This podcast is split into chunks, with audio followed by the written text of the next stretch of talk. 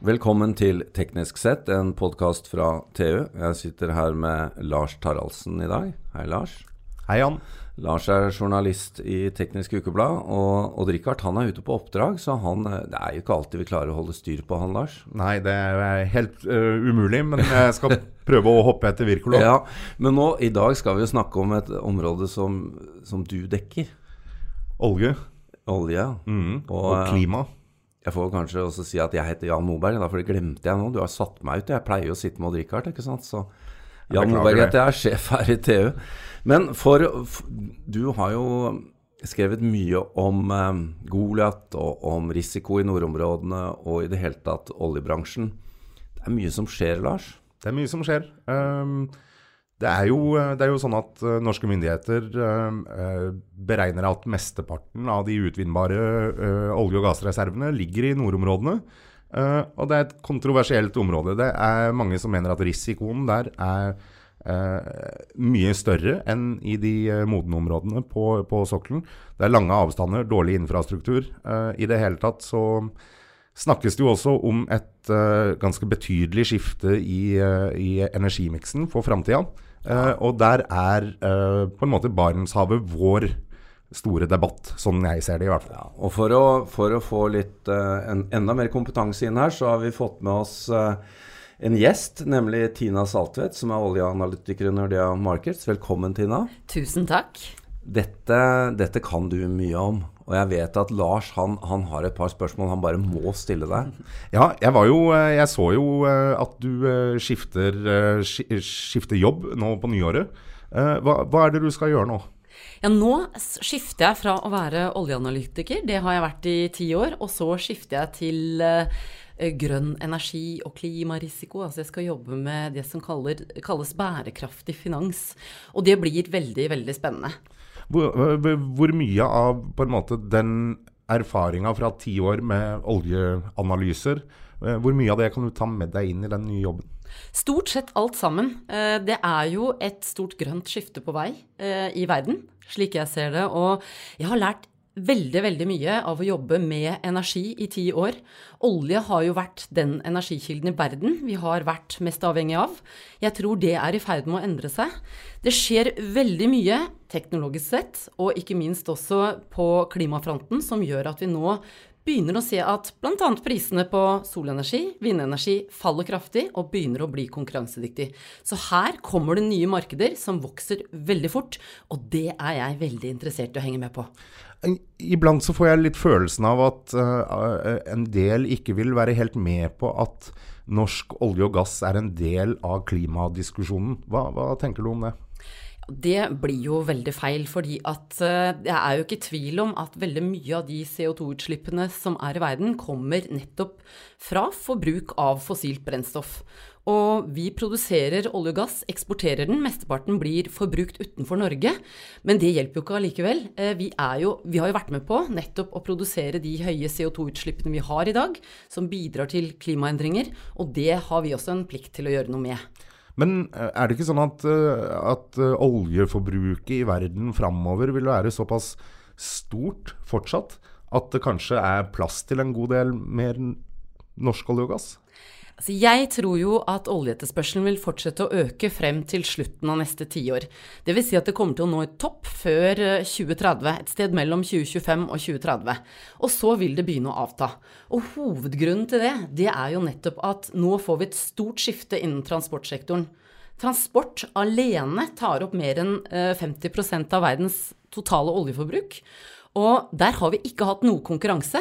Nå begynner den konkurransen å komme, og det er ikke ikke bare småbiler her i Norge som skiftes ut, som en del påstår. Men det er også trailere, det kommer til og med fly. Og Norge kan bli ledende på grønne, grønn skipsfart. Her hører vi, Lars, at eh, hun, hun, brenner for det nye området hun skal analysere her. Det er ikke noen tvil om det. Men Tina, jeg la merke til da du annonserte ditt jobbskifte, at du ble beskyldt, eller nærmest tillagt, at dette var følelsesorientert. Men eh, Lars og jeg snakker mye om følelser på jobb.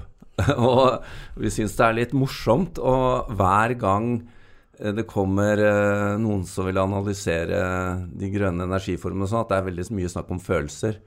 Men eh, det er en følelse på alle sider av bordet, er det ikke det? Og Til og med de investorene dere skal råde i. Eh, det, er vel en blanding av både fakta og følelser og alt på alle sider, er det ikke det? Det tror jeg nok. Og vi skal huske på at en oppgave, når du har en oppgave om å, være analytiker, så er den viktigste jobben din å prøve, i hvert fall i analysene, å være så objektiv som mulig.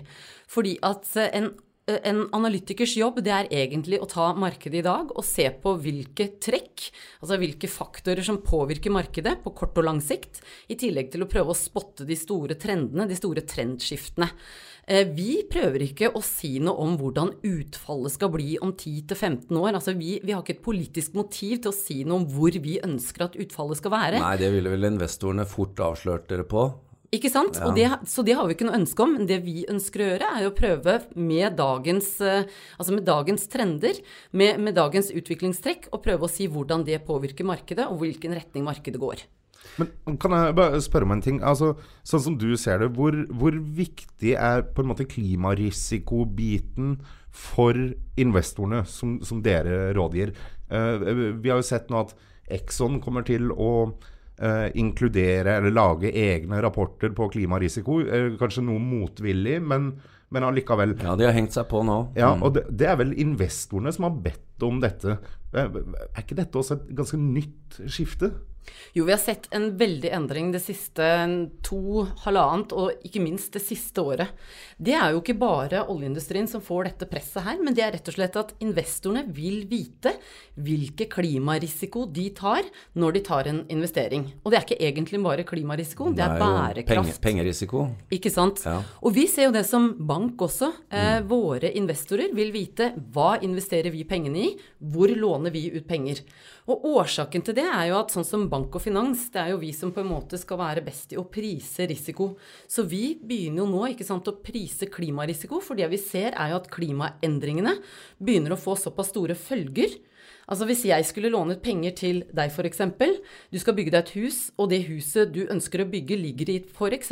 et jord, eh, altså jordskredutsatt område, så er det klart at etter hvert så vil jeg kanskje ta meg mer betalt for det. Denne type risiko er vi nødt til å prise inn, altså klimarisiko er vi nødt til å prise inn, og det vil gjøre, bidra til at kapitalen flytter seg mot mer klimavennlige løsninger, og det betyr også grønn energi. Åssen er inntrykket ditt at f.eks. Statoil uh, gjør dette i sine uh, i sine prisinger nå? Jeg vil si at Statoil er virkelig en av de som er langt fremme på det området. De tar skiftet uh, veldig seriøst. De begynner å prise inn en høyere karbonpris, bl.a. Og så har de også i sine scenarioer tatt inn, uh, i hvert fall én av scenarioene, om at de ser en økende utfordring fra bl.a. elbiler. Og så har vi jo da litt kanskje uenighet om hvor fort dette skiftet kommer, men Statoil vil jeg si er en av de som har begynt virkelig å ta, ta det inn over seg, at vi er inne i et stort skifte. Mm. Men når de internasjonale investormarkedene det, er, det dreier seg om voldsomme beløp, eh, det, bare for å være helt tydelig, det de er redde for nå, da, mange av disse investorene, er å, er å sitte med for mye eksponering innenfor petroleumsrelaterte aksjer og investeringer? Ja, det er klart. Altså, vi har dette som kalles stranded assets. At du investerer for mye nå i et f.eks. felt som skal stå og løpe i en 30-40 år fremover. Fordi at på det tidspunktet det kanskje kommer i produksjon, skal begynne å tjene penger, så er ikke etterspørselen der lenger. Og det er jo en stor utfordring vi har på f.eks. norsk sokkel. Til sammenligning da, så har du jo, og det er jo en stor utfordrer for norsk uh, olje, Eh, og gass, ikke minst, det er jo denne veldig fleksible skiferproduksjonen i USA. Ja. Fordi det vi ser, er jo at mange av de store oljeselskapene trekker seg ut fra norsk sokkel og trekker, altså begynner å investere i skiferolje. Både fordi at prisutsiktene er veldig usikre, etterspørselsutsikten ja, er veldig sånn generelt i markedet, ja. I markedet mm, på, mm. på, oljeetterspørsel. Og det gjør at uh, de, disse prosjektene er mer kortsiktige, det er mindre, og gjør at man kanskje ikke tar like stor risiko. Men dette, dette er jo et tema vi også har snakket om. Altså, uh, det er jo klart at eh, teknologiutviklingen på norsk sokkel har vært formidabel. Det har blitt lagd utrolig mye flott teknologi som har gjort at vi har hatt det oljeeventyret vi har, og vi ser at kostnadene har eh, blitt redusert kanskje med 50% og virkelig gjort en stor jobb. Men vil, ikke, vil det ikke alltid omtrent være rimeligere å få olje opp av grunnen nede i Midtøsten eller i, i feltene i USA, da? det, det, virker jo som om det vil alltid være rimeligere, for de vil også kunne redusere sine kostnader. Ja, det er klart at Hvis du kan bore etter olje på land, sånn som de gjør Nettopp. i Midtøsten, ja. så er det billigere enn å bore etter olje offshore. Eh, det er lettere å få den altså Her eh, i, i Midtøsten så har du en del Det er lettere å bygge infrastruktur eh, hvis de ikke har infrastruktur. Så det er en del ting som gjør at det er billigere å produsere det i Midtøsten. I USA så er det ikke nødvendigvis billigere, men det er jo mye, altså mye mer kortsiktige og fleksible eh, prosjekter ja. som gjør at det er veldig vanskelig å konkurrere med det. Det er ikke ti års lead time på å få et uh, felt opp og gå? Nei, det er ikke det. Nei. Og det gjør jo at utsiktene og, og forutsigbarheten blir helt annerledes. Og dette, dette syns jo, uh, syns jo, vi er viktig, og, og, vi har jo uh, skrevet en del om det også, Lars. Nemlig med Goliat som eksempel, da. Hvor, hvor Det er vel her vi kommer til hvor, hvor, stor risiko er det egentlig forbundet med å bygge ut oppe i Barentshavet. da. Det vil jo ta 10-15 år før ting er i drift, og du vet ikke helt hva prisen blir. og Det er kanskje ikke så rart at de internasjonale oljeselskapene ikke syns det er interessant lenger? Jeg syns jo ikke at det er så rart, fordi at det er jo selvfølgelig med da en stor Midtøsten som fremdeles vil komme til å mm. produsere billig olje i mange, mange år økende produksjon fra fleksibel eh, skiferolje i USA, i tillegg til at eh, jeg venter jo da at oljeetterspørselen vil avta etter hvert, så er det klart at den oljen som skal produseres ut, utover det Midtøsten og, og skiferoljen i USA skal produsere, der blir det en økende kamp. Og vi vet jo også at i deler av Barentshavet har vi jo ikke infrastruktur. Eh, det har jo også, I tillegg til det så vet vi at vi har jo ikke funnet så veldig mye de siste par årene. slik at det er jo et egentlig et annet spørsmål, men jeg tror det blir vanskelig å få mange av disse prosjektene lønnsomme. Ja. Johan Castberg kommer jo helt, eh, helt, klart, og en del av de prosjektene vi allerede, eller de funnene som allerede er gjort, kommer. Men jeg tror det store spørsmålet er hva med de prosjektene vi ikke har funnet så langt? Eh, som ikke vil settes i gang før slutten av neste tiår. Mellom 25 og 30. Da snakker du om at det virkelig skjer noe på den andre siden, at uh, kanskje behovet faller, eller etterspørselen faller? Ja, da tror jeg ja. etterspørselen har begynt å falle, og da er det klart at det, kom, det er mange andre store oljenasjoner som vil ha en bit av kaka også, så jeg tror at det blir veldig vanskelig.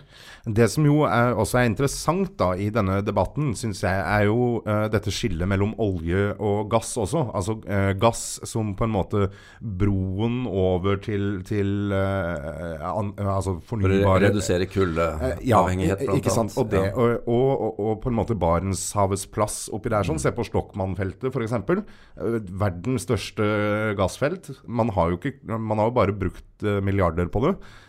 hvordan er da, altså Med den manglende infrastrukturen i Barentshavet, så er det så henger dette sammen også med at de store gigantene da, er på vei bort. Hvem er det som har de finansielle musklene til å ta denne typen infrastrukturprosjekter videre, sånn at dette faktisk kan bli noe. Og da skal du faktisk gjennom to nåler. Det ene er å finne de som har musklene, og det andre er å få de til å tørre å ta risikoen.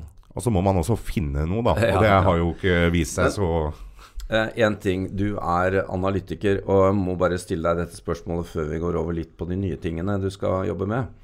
Ehm, vi har jo, eh, og ikke bare vi, men vi har sett på Det internasjonale energibyråets statistikk. Eh, som jo Det er vanskelig for oss å forstå noe annet enn at de er litt i oljelobbyen. Det virker som om de har underrapportert eh, systematisk veksten innenfor de nye energiområdene. Og opp til så er det, er det noe feil med, med hvordan de rapporterer det. men og at Greenpeace har truffet bedre, det må jo være nesten pinlig. Men når du sitter som analytiker, hvilke kilder bruker dere? Altså, dette Det er jo en autoritet. Hvordan forholder dere til, til kilder på statistikk? Nei, det er klart at uh, World Energy Outlook, som produseres av Det internasjonale energibyrået, har jo blitt omtrent tiltalt som Bibelen i, uh, energi, i verdens energiverden. Uh, og det som er, som du er helt riktig er inne på, det er jo veldig vanskelig når den har så, såpass store feilmarginer som den har. Og det må jeg helt ærlig innrømme, før jeg virkelig fikk med meg det store grønne skiftet også, så brukte jeg det som base. Og så fikk jeg noen hint eh, fra noen som sitter i markedet om at du bør kanskje løfte hodet litt og se etter en del andre kilder også, fordi at de har underrapportert så mye. Og, og, det er en uh, utfordring rett og slett fordi at det er mange av de som uh, Altså myndigheter, det er mange beslutningstagere som bruker Det internasjonale energibyråets uh, beregninger. Fortsatt? Fortsatt, dessverre. Ja. Og derfor så er det viktig at, at, vi prøver å legge press på å få en bedring i kvaliteten. For det hadde jo vært veldig bra om vi kunne bruke de. Uh, at vi hadde et felles uh, hvert fall, uh, altså, referansesett som vi brukte. Og det er jo derfor veldig mange lener seg til Det internasjonale energibyrået. Men det er så store feilmarginer at man kan rett og slett ikke bruke det. Og spesielt ikke på fornybar energi. Det gir et helt feil bilde av hvordan energimarkedene vil se ut i fremtiden. Og det er ganske skummelt når beslutningstagere bruker det, det ganske slavisk. Det vil jo være en mulighet for investorer da, som skjønner det. Selvfølgelig. Ja. Det er alltid mulighet for investorer når de ser eh, åpninger eh, komme. Og ja. investorene sitter ikke på gjerdet og venter, men, men, faren er jo nettopp at det er en del eh, altså, beslutningstagere som lager politikk, som mm. bruker dette. Og det er skummelt, for de setter jo tross alt et rammeverk som vi også må forholde oss til. Ja, det er veldig vanskelig å ikke tenke at det her ligger noe lobbyvirksomhet bak. Men, men, men altså, du, du, sier egentlig at, at litt sånn altså, fei, uh, feil prognose sniker seg litt inn bakveien i norsk politikk, da. Er det det du sier? Det er klart at hvis man bruker et eh, Altså hvis man bruker som base noe som i utgangspunktet er eh, ganske misvisende og det, så, og det, er jo konsekvent misvisende? Ja, det har vært misvisende sikkert de siste ja. 20 årene eh, på, på, fornybar energi. Hvilke kilder burde man ha brukt da? Altså nå Ja, du nevnte jo Greenpeace. Eh, Bloomberg? Bloomberg eh, New Energy Finance er det en av de som jeg bruker. Ja. For de syns jeg gir eh, et helt annet bilde av hvordan veksten er.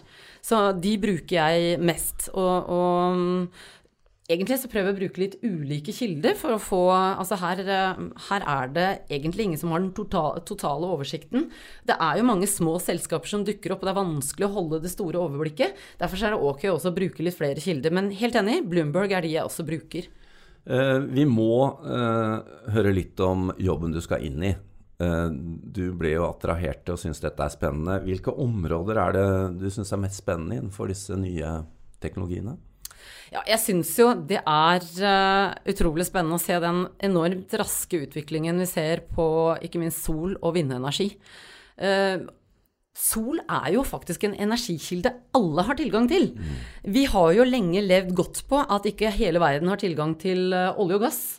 Uh, nå får vi jo snart en energikilde, bare teknologien er til stede og konkurransedyktig, og de er den jo mange steder allerede. Men det er i hvert fall ingen tvil om at den kommer til å bli det, og det er jo noe som er superspennende. Ikke sant? Og det er ikke så veldig lenge til. Så vil, jo veldig, altså, så vil jo egentlig verdens befolkning få tilgang til en energikilde som alle har. Og da er det klart at da ser kanskje energiprisene helt annerledes ut på, på, lang sikt. Og det kan bety mye også for energiintensive sektorer. Ikke minst også. Det kan bety mye for transport, fordi at uh, har du sol, så er det jo i nærheten av der du bor. Selvfølgelig mangler vi også da lagringskapasitet, så det her Ja, det er vel egentlig den store X-en her nå. Ja. ja. Batteri. Batteri Batteriteknologi er jo det som Mellomlagring av energi. Ja. Eh, så det, i tillegg til å få ned prisene på bl.a. sol, men også vind, er vel kanskje det vi satser mest på i Nord-Europa, det syns jeg er uhyre spennende. Hvor sikkert er dette? Altså hvor bankers er det du sier nå?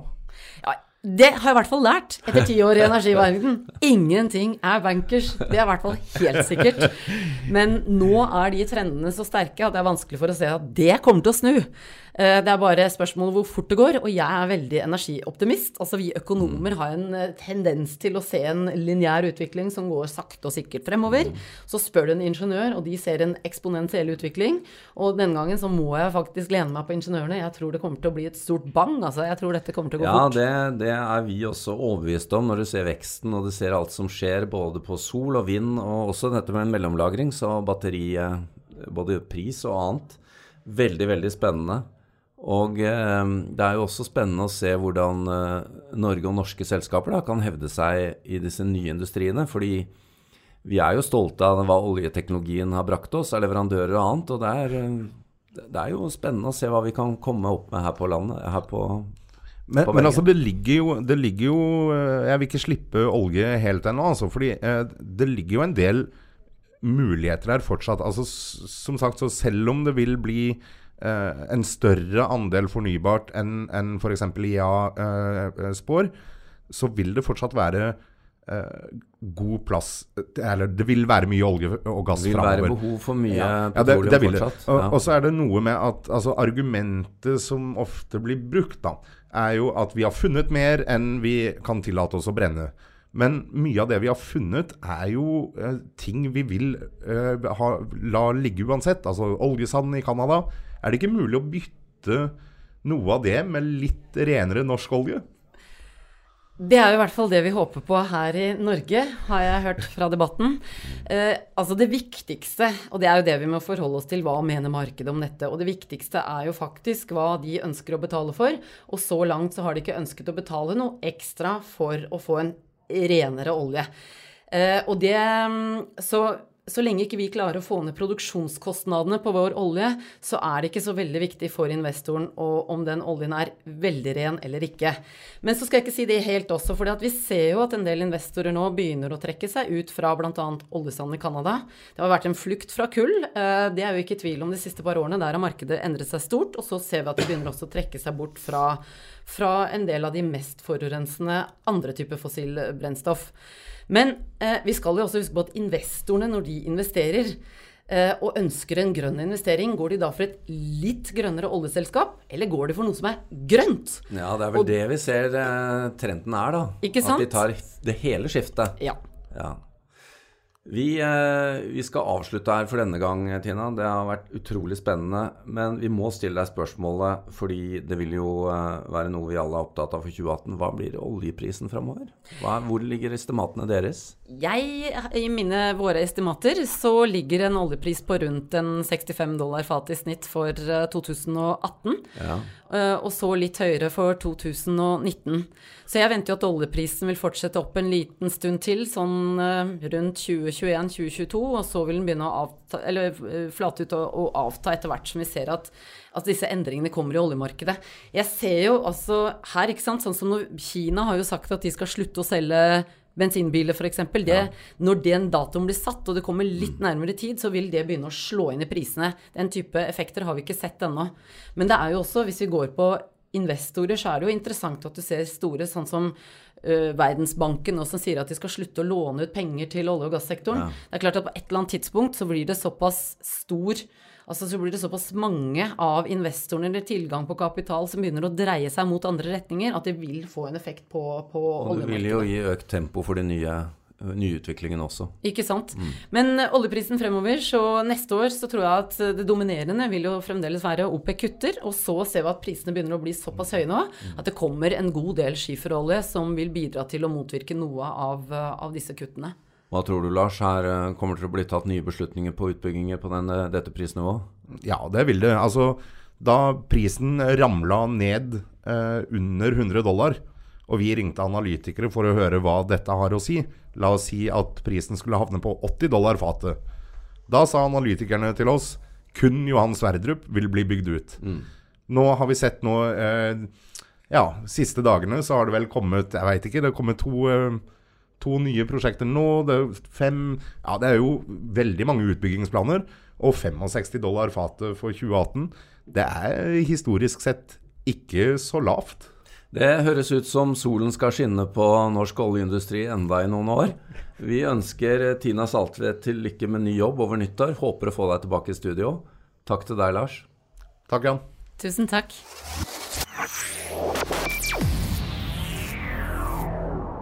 you